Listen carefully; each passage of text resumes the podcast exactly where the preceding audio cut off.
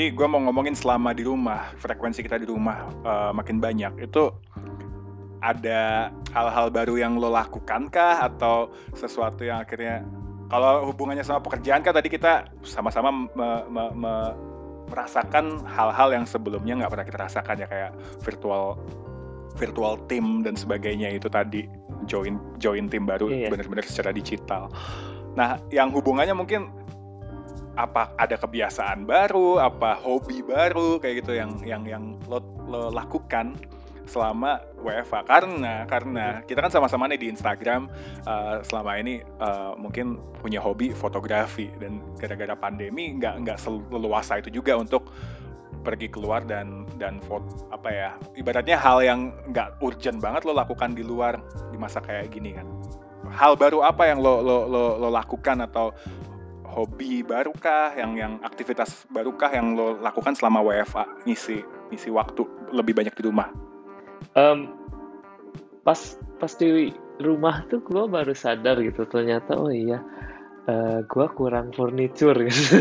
jadi dari dari situ sih gue yang kayak langsung hobi gitu kayak uh, beli something dari IKEA gitu kan terus bisa langsung dikirim juga ke rumah kan. Um, um, gardening karena uh, itu juga sih gue kemarin-kemarin tuh jadi gini ceritanya. Kita kan lagi dari um, herbs apa ya herbs kalau bahasa ininya. Um, musim semi dari musim semi mau ke summer oh. kan musim panas kan. Dan itu pergantiannya tuh cepet itu dari kita yang cuma 12 derajat 13 jadi langsung ke 20-an gitu. Nah kalau misalkan si tanaman di belakang atau rumput itu nggak di ini pakai air itu langsung jadi kuning gitu. Kalau nggak hmm. udah nggak ada gitu. Nah hmm gue dimarahin ceritanya. Jadi ceritanya ada ini gue kan uh, landlord gitu landlord, yang ya. yang punya uh, uh, yang punya buildingnya. Terus dia lewat itu lewat belak uh, taman belakang yang punya gue terus katanya uh, itu tolong dong di belakang uh, dikasih air gitu tiap hari atau enggak? Ya seminggu tiga kali. Aduh gue lupa iya. Jadi ternyata selama gue home office itu gue jarang banget ke taman belakang. Uh, uh. Uh, uh dan ternyata gue sadar oh iya gue harus harus taking care of juga sih yang di taman belakang itu nah sebelum sih. lo sebelum lo banyak di rumah ada yang ngurusin memangnya itu taman di belakang? Enggak taman belakang itu jadi kan cuma buat uh, gua doang gitu kan. Itu punya gua ah. jadi ada uh, entrance-nya juga cuma bisa dari gua. Uh, nggak ada yang ngurusin. Jadi gua juga paling ya ke taman belakang tuh paling I don't know uh, kalau perlu aja gitu. Hmm Nah, uh, apalagi kan kemarin-kemarin masih winter sama uh, musim semi itu dingin kan. Kalau ya. dingin ngapain keluar? Ya. Nah itu dia. Lu juga kan pernah ke sini kan, pernah ke Eropa kan, lu tahu kan dinginnya kayak ya, gimana? Uh, tahun 2000 tahun 2018 parah iya. sih norak banget waktu itu gue salju pertama seumur hidup terus iya. Oh kayak gini ya salju. I don't like it, it's too cold. Iya tapi tapi lu tahu kan perbedaannya gitu kan yang yeah. drastis banget sama yeah. Jakarta dan uh, itu nggak enak banget lu dua jam tiga jam di luar tuh ngapain gitu kan? Sampai berdarah bibir gua. oh, Iya. Sangat tidak terbiasa. Gardening ya jadinya ya. Sama house plants juga. Um, ya ternyata itu agak adiktif juga ya itu bahaya bahaya bahaya sih. Bahaya banget bahaya banget. Lu beli satu tanaman pengen beli yang lagi tanaman pertama lo apa yang lo beli atas kesadaran dan keinginan diri sendiri? Jadi di sini ada satu tanaman kayak um, itu gua beli di tahun 2016an gitu. Itu oh, cuma udah satu lama. yang gua pernah beli. Udah lama hmm. itu gua hmm. cuma beli satu itu masih di apartemen gua yang dulu. Tapi si tanaman ini emang bandel gitu um, huh. jarang gua siram terus sampai mati itu tapi gua oh, siram lagi tumbuh lagi. Dan itu tetap uh. yang jadi ini gua. Nah dari situ pas gua pindah ke apartemen ini yang lebih gede nah oh ya udah kayaknya beli lagi deh yang satunya lagi. Nah, terus aja Apa nambah gitu kan. Ah gua nggak tahu nih. Malah gua nggak tahu jenisnya apa yang yang pertama ini. Tapi ya bentuknya kayak apa? paling, asik soal um, bentuknya biasa kayak tinggi gitu dia sih cuman daunnya banyak jadi ya daunnya yang kecil-kecil gitu. Oh nah kalau okay. soalnya uh, kalau ad, ada yang ada yang apa namanya uh, kalau di Indonesia bahasa Inggrisnya apa ya bahasanya? Ada Sansevieria itu yang kalau di Indonesia namanya lidah mertua. Gue Hmm, ngerti sih hmm, nama-nama nama-nama tanaman di Indonesia tuh gue nggak ngerti siapa yang mencetuskan. Hmm. karena namanya kadang ajaib-ajaib. Cuma itu yang lidah mertua atau Sansevieria tadi itu lumayan kuat, tapi dia bukan tumbuhan daun, dia beneran kayak lidah, lidah tinggi ke atas. Ah, Itu bukan, bukan, bukan. tanaman estetik. Ntar gua- gitu lah. Ntar, ntar gue kirim deh fotonya yang Eh, Bantul boleh, ini. Hmm. Nah terus eh, paling lu tahu nggak ini nama tanaman eh, sundel bolong? Janda bolong kali. Nggak, nggak sundel bolong tuh yang yang ini Monstera itu. Iya iya iya, Monstera obliqua itu kan, Iya. kayak yang tadi gue bilang, ini siapa yang ngasih nama pertama? Inspirasinya tuh kayak ajaib lah istilahnya. Su- Iya, ya, janda bolong. Gue ada ada banget. janda bolong. Itu juga awet sih, awet. Awet apa asal asal jangan terlalu banyak disiram aja sih. Kayak gua ada satu yang Nah. terlalu banyak disiram jadi hitam. Tapi itu beneran yang yang kata lo terlalu banyak disiram itu adalah eh, apa ya istilahnya? Kalau dibilang rookie mistake atau amateur mistake orang yang baru baru suka tanaman itu yang gue alamin Betul. soalnya. Jadi waktu gue tuh baru mulai houseplant gara-gara teman kantor gue dulu akhirnya usaha usaha jual tanaman-tanaman kayak gitu. Oh, eh, iya. Ibaratnya gue keracunan lah gitu. Diracuni Iya. secara tidak langsung. Akhirnya gue nyoba beli pertama tahun 2017 tuh eranya Monstera yang Monstera besar. Yang Mhm. daunnya daunnya kayak jari-jari gitu, itu tanaman estetik. Sampai sekarang sih masih dan sekarang harganya jadi mahal gue nggak ngerti. Tapi intinya gue mulai nyoba 2017 beli tanaman eh, buat indoor. Mhm. Terus kesalahan yang gue lakukan itu terlalu sering nyiramin iya. dan padahal kalau indoor malah mereka kan tanahnya tuh keringnya jadi lebih lama gitu loh setelah disiram. Bahkan seminggu Betul. sekali aja lo cukup untuk nyiram. Waktu itu gue Iya. tanaman udah di dalam rumah, tanahnya masih basah, gue nggak notice, itu gue siram lagi. Terus Iya. kok daunnya kuning-kuning, lama-lama Iya. kok jadi kayak busuk begitu. Ternyata Iya. akhirnya gue nge-youtube tuh, eh, youtube pokoknya cara-cara bercocok tanam atau houseplant semingguan, dua mingguan itu isinya nontonin video youtube doang bagaimana caranya merawat tanaman terus tanaman-tanaman apa aja yang yang apa eh, cocok untuk low light kayak gitu lah Ya tapi sih. lu seru gak sih? Iya itu itu kayak lu kayak misalkan sebenarnya lu nggak intuit banget awalnya, cuman karena gara-gara udah sekali dua kali punya eh, tanaman terus jadi lebih care juga kan. Nggak, lu bener itu kalau misalkan houseplant itu ternyata lebih baik dia layu atau kering gak dikasih air daripada terlalu banyak air. Jadi kalau Iya, misalkan iya. udah kering ya tinggal diairin doang, nah itu lebih gampang Iya. kayak gitu. Nah itu dia bener rookie mistake itu kayak Iya si benar-benar akarnya sampai itu sampai busuk. apa namanya? Busuk itu. Ada tanaman namanya eh, peace lily yang yang ada bunganya putih satu biasanya. Kadang nggak ada bunganya juga sih. Yang Hmm. daunnya banyak. Itu dia enak banget ngerawatnya karena kalau dia butuh air daunnya jatuh. Daunnya lemes gitu. Tapi dia nggak mati kan? Jadi kita Enggak. tinggal kasih air habis itu dia nanti tegak lagi sampai beberapa hari. Kayak Iya. gitu. Dan gue pernah diajarin juga kalau mau nyiram tanaman masih pemula nih itu lo masukin Mhm. jari lo sekitar satu senti ke dalam tanah itu masih lembab atau enggak. Kalau masih lembab atau basah nggak usah disiram lagi. Sampai akhirnya lo nemu polanya tuh. Dalam dalam seminggu lo jadi tahu karakter tanaman itu itu tuh eh, udah butuh disiram dalam berapa hari ke, ke depan kayak gitu. Misalnya oh tanaman Ya. gue yang ini dalam seminggu cukup sekali. Oh tanaman gue yang ini tiga hari sekali. Jadi udah udah udah udah lo nggak perlu nggak perlu apa masukin jari lo setiap saat lagi karena lo udah mulai udah mulai tahu kan karakternya ibarat lo udah kenal sama tanaman ini Hmm. menurut lo dari houseplant ini atau melihara tanaman itu yang lo dapet apa menurut lo Um, oh, pertanyaan yang sangat bagus. Oke, let's say it's aesthetically good gitu ya, kelihatan bagus gitu kan. Cuman karena ada warna hijaunya itu jadi kayak lebih enak aja sih dilihat. Em, belajar kesed- kedisiplinan kita juga kayak harus ngasih air, tahu kapan sebagainya. Happy aja sih kalau ngelihat tanaman kita hidup. I mean, Nah. gua nggak punya kucing atau anjing gitu ya, jadi eh, ada tanaman tuh kayak emang yang harus di diurus sama gua dan ya gua harus ngurus diri gua sendiri dan tanaman udah itu aja cukup nggak demanding ya itu nggak demanding banget Lo- sih ya sih lo pernah ngerasa Bener. happy saat ngeliat tanaman lo tumbuh daun baru nggak? Oh itu itu itu itu banget sih. Kayak oh ternyata um, apa ya hidup ternyata gitu. Iya iya iya. Jadi jadi ada ada new life gitu kan. Uh, uh, itu uh, uh. sih gua seneng.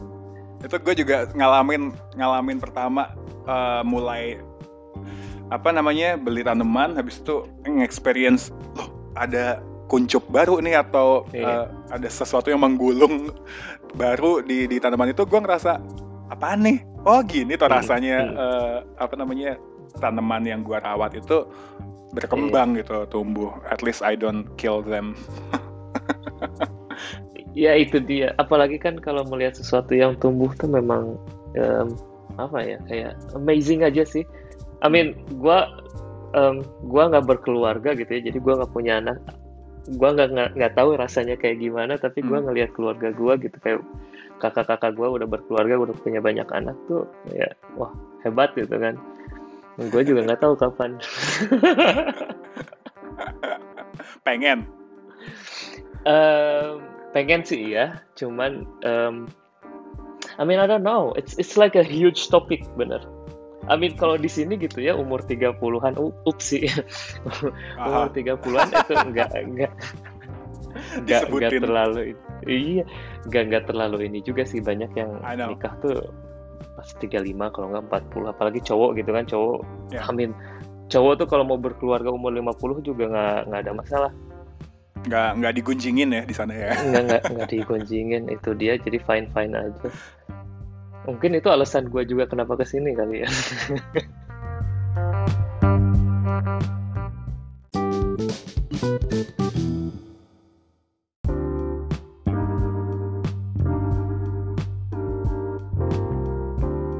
Tapi gue pengen nanya nih lu gimana nih? Kan kita memang seumuran itu aja kan jadi ketahuan tuh.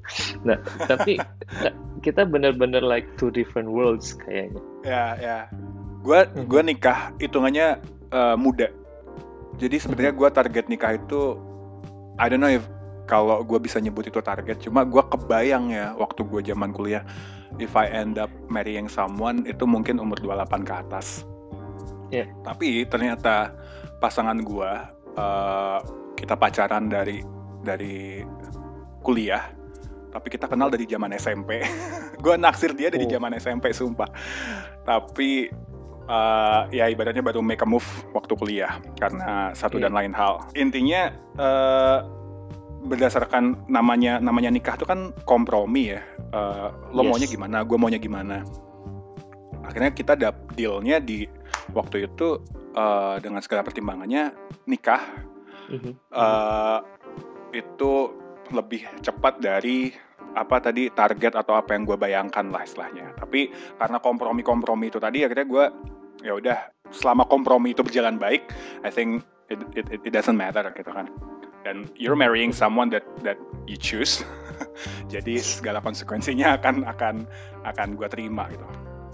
betul Namanya pernikahan yang it's not a fairy tale kan. Jadi uh, Iya. banyak hal-hal yang baru dan sometimes uh, kalau boleh jujur maksudnya kita akan melewati beberapa momen di mana mempertanyakan eh, kalau gua waktu itu nikahnya umur sekian itu apakah akan lain cerita ya kalau misalnya gini misal what if what if questions itu tuh nggak nggak nggak bisa Mhm. dielakkan lah nggak bisa nggak bisa nggak bisa dilarikan cuma akhirnya Mhm. eh gue nggak tahu ini mungkin nggak akan berlaku ke semua orang tapi intinya eh, kompromi itu akan terus berjalan dalam pernikahan kompromi itu bisa berubah tapi Mhm. yang gua gua sadari adalah gua terus mau berkompromi sama orang ini gitu. Karena dia pun mau berkompromi terus sama gua. Jadi Ya.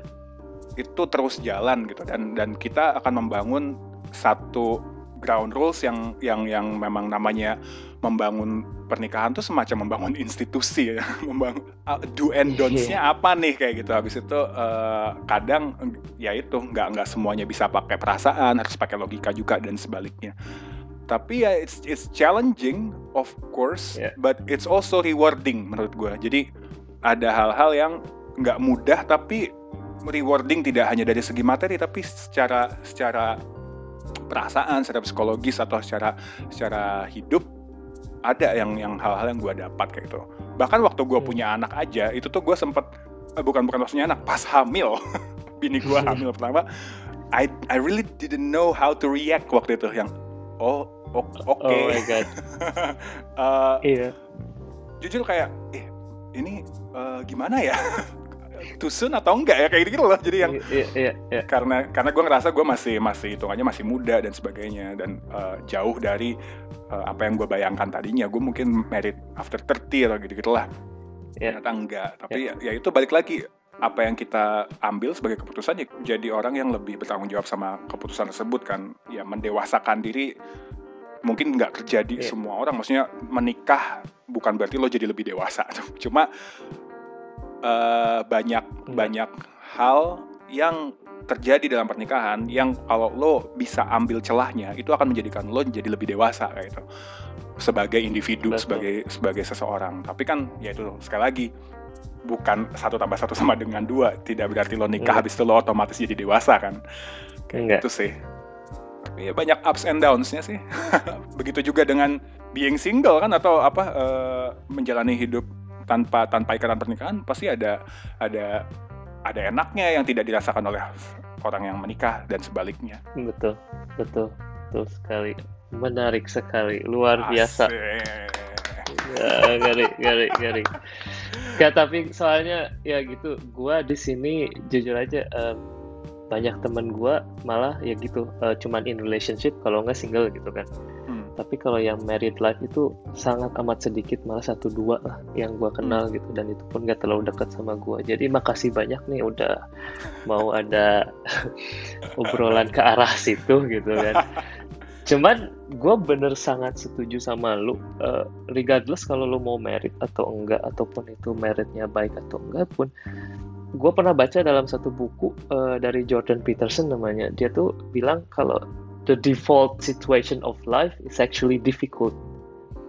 Itu, wow nah itu dia. Jadi lu mau mau kayak mau kaya miskin ataupun mau tinggal di Indonesia, tinggal di Eropa, tetap aja sebenarnya default situation itu difficult gimana lu bisa ngeadaptasi atau bisa kayak mastering that situation jadi lebih bagus gitu kayak misalkan sebenarnya kayak gini lu lu kerja nih kan tau nggak lu di di di di kehidupan lu gitu lu udah pernah kuliah udah tahu apa ilmunya dan ketika lu ketemu orang atau dalam satu situasi karena lu udah punya pengalaman ya situasinya jadi lebih yang jadi yang kamu apa namanya yang jadi diekspektasi sama lu kan jadi bisa lu kontrol gitu beda kalau misalkan lu yang nggak tahu apa-apa terus dihadapan dengan situasi yang nggak kekontrol ya lu nggak tahu apa-apa kan. Jadi wah gua harus kayak gimana nih?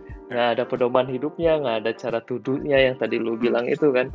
Tapi it's a normal life karena lu lu nggak tahu yang bakal terjadi besok hari Nah dari situ sih Ya. yang lu cuman bisa ya lu prepare aja gitu kan apa yang terbaik. Dan dan kalau balik lagi ke married life benar kata lu itu harus ada kompromi dari satu sama lain dan itu kayak married itu kan lu berdua ya udah lu kayak di borgol gitu kan Hmm, hmm. whatever happens afterwards you stay together gitu Iya, iya.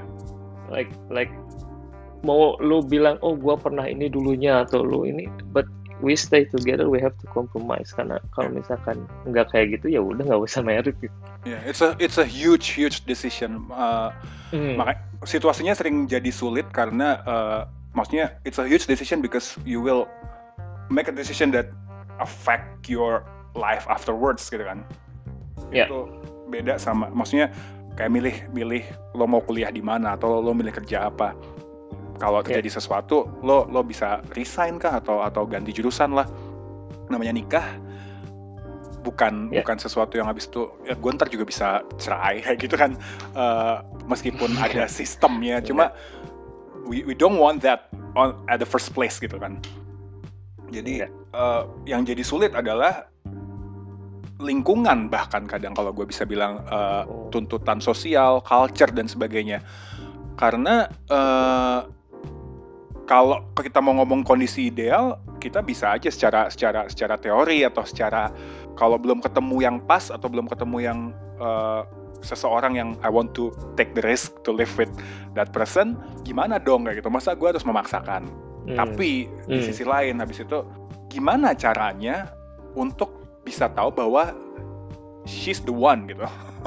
Kadang itu kan hmm. sangat abstrak kan. Akhirnya jadi susah dan jadi jadi makin kompleks saat orang sekitar pun atau kultur di satu tempat pun me, me, me, membentuk opini tertentu terhadap uh, lo kita di masyarakat gitu. Kok umur 30 belum nikah sih kayak gitu. Kok umur sekian uh, masih pacaran aja. Bahkan kultur itu juga sangat membentuk akhirnya ya udah deh siapa yang yang yang yang ada saat itu supaya meredam meredam opini lingkungan ya udah gue gue nikah aja deh sama yang ada sekarang gitu atau atau hmm. bagaimana hmm. and in the end ada yang maksudnya dengan dengan entry point kayak gitu ya mereka lancar-lancar aja pernikahannya baik-baik saja yeah. gitu di di, di mata orang ya maksudnya uh, kita nggak tahu apa yang terjadi di dalamnya cuma maksudnya they survive tapi yeah. dengan entry point seperti itu pun juga nggak nggak menjamin bagaimana tuh mereka akan end up. Jadi nggak nggak nggak bisa jadi landasan atau teori menurut gua. Akhirnya susah susah banget untuk ngomong uh, mana yang ideal. Karena ini benar-benar ngomongin individu dan individu. Betul. Ribet ya. Ribet banget soalnya tiap-tiap orang ada cerita masing-masing gitu kan. And gue jadi inget ini loh ada yang bilang kayak gini don't don't look someone who is perfect but look someone who is perfect for each other hmm. Wah.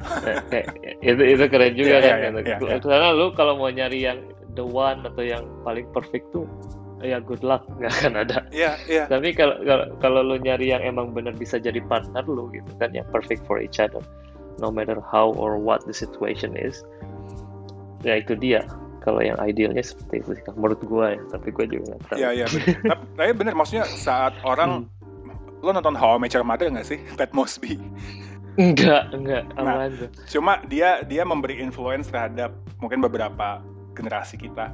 Itu ya hmm. look for the one itu the one. Jadi dia beneran kayak gonta ganti pasangan sampai akhirnya nemu the one-nya itu Okay. Uh, downside-nya adalah saat kita kayak orientasinya she's the one, she's the one, she's the one itu jadi membangun kriteria tertentu yang yeah. uh, akhirnya saat lo kenal dengan seseorang dari kriteria 1 sampai 10 cocok eh 1 sampai 10 terus ada yang nggak cocok lo ilfeel jadinya hmm, hmm, I think she's not the one gitu karena lo udah punya kriteria apalah yang yang yang yang membentuk persepsi lo terhadap orang tersebut menurut opini pribadi gue adalah saat seseorang itu benar-benar mau diajak kompromi satu sama lain itu adalah entry point yang sangat bagus gitu kan. Uh, karena mungkin dari kriteria 1 sampai 10 misalnya kita punya kriteria terhadap sosok idaman itu dia nggak memenuhi 10 hmm. 10 nya gitu. Cuma mau nggak sih dia berkompromi dengan diri gue gitu karena gue juga menurut dia mungkin nggak nggak poinnya nggak 100 gitu. Mungkin nah, poinnya nah, hanya 70 dia. poinnya 80 Betul. tapi mau nggak nih kompromi? Karena namanya jadi satu akhirnya kan kita pengennya idealnya menjadi pribadi yang lebih baik. Nah gimana nih bisa support satu sama lain? Contohnya nih ya. Yeah. gue sama bini gue gue tuh orangnya berantakan banget biasanya. Physically di rumah lah. Kayak ada satu hal yang menarik kita bahas kemarin. Bini gue tuh kayak nginget-nginget waktu buka lemari dia bilang aku ingat waktu pertama nikah sama kamu itu buka lemari isinya berantakan banget gitu. Terus gue bilang iya gue emang kayak gitu dari dulu gitu. Zaman kuliah uh, atau pas zaman tinggal sendiri ya lemari pakaian isinya ya ya gitu berantakan aja tapi gue nggak terganggu dengan itu gitu. Jadi eh, nggak uh, masalah dengan itu. Nah bini gue orangnya rapi banget rapi hmm, bersih hmm. suka kebersihan kayak gitu. Ya akhirnya melengkapi kan jadinya.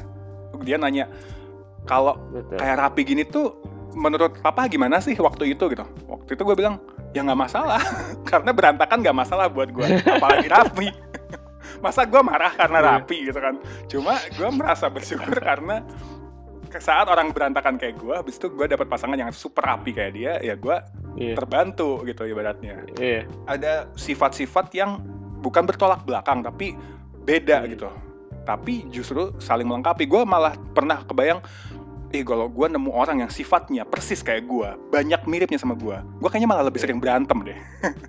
Karena betul betul. kar karena jatuhnya uh, misalnya kayak gue orangnya keras ketemu sama orang yang keras. Clash jadi ya kan? Mungkin beda sama oh gue suka sama orang yang hobinya sama itu mungkin masih bisa jalan. Cuma kalau watak hmm. sifat itu malah semakin mirip itu gue malah kebayangnya itu agak ini nggak ya jatuhnya kayak baterai positif itu yeah. positif jadinya nggak nyambung gitu jadinya malah malah yeah. clash. Itu sih pelajaran yang gue dapet. Mantap mantap. Karena seriusan gue juga kayak udah in relationship tuh udah udah lumayan lama ya kita udah kayak enam tahunan sekarang. Hmm, hmm. Uh, jadi bener I mean kayak kita tuh bukan kayak in married life itu cuman namanya juga in relationship. Kayak lu tuh nggak mau gitu berargumentasi karena hanya untuk menang itu nggak ada itu nggak akan nggak akan never works gitu. Jadi lu hmm. berargumentasi itu karena memang lu pengen ngeluarin satu unek-unek misalkan atau misalkan satu poin. Tapi bukan berarti lu pengen poin lu jadi yang terbaik atau yang yang menang gitu enggak. Bener. Itu kalau kalau ada udah ada ada kompetisi itu kayak lu tadi bilang kalau sama-sama wataknya uh, percis gitu kan terus nanti malahnya jadi malah jadi kompetitif itu kurang baik. Bener, gak bener. ada nggak ada perdamaian. Gila ya maksudnya uh, kadang orang nggak sadar aja sih maksudnya uh, ngejalanin satu hubungan atau ketemu sama orang yang ya melengkapi satu sama lain. Emang harus hmm. hal-hal gini tuh harus dibahas sih maksudnya sama sama pasangan lo kayak gitu. Biar biar lebih ngerti lebih paham. Iya. Oke tadi kita ngomongin apa sih? Sebenarnya ngomongin hobi ya. Tanaman. Ngomongin hobi ngomongin tanaman jadinya ngomongin growth as a person ini. Rada-rada liar nih pembicaraannya.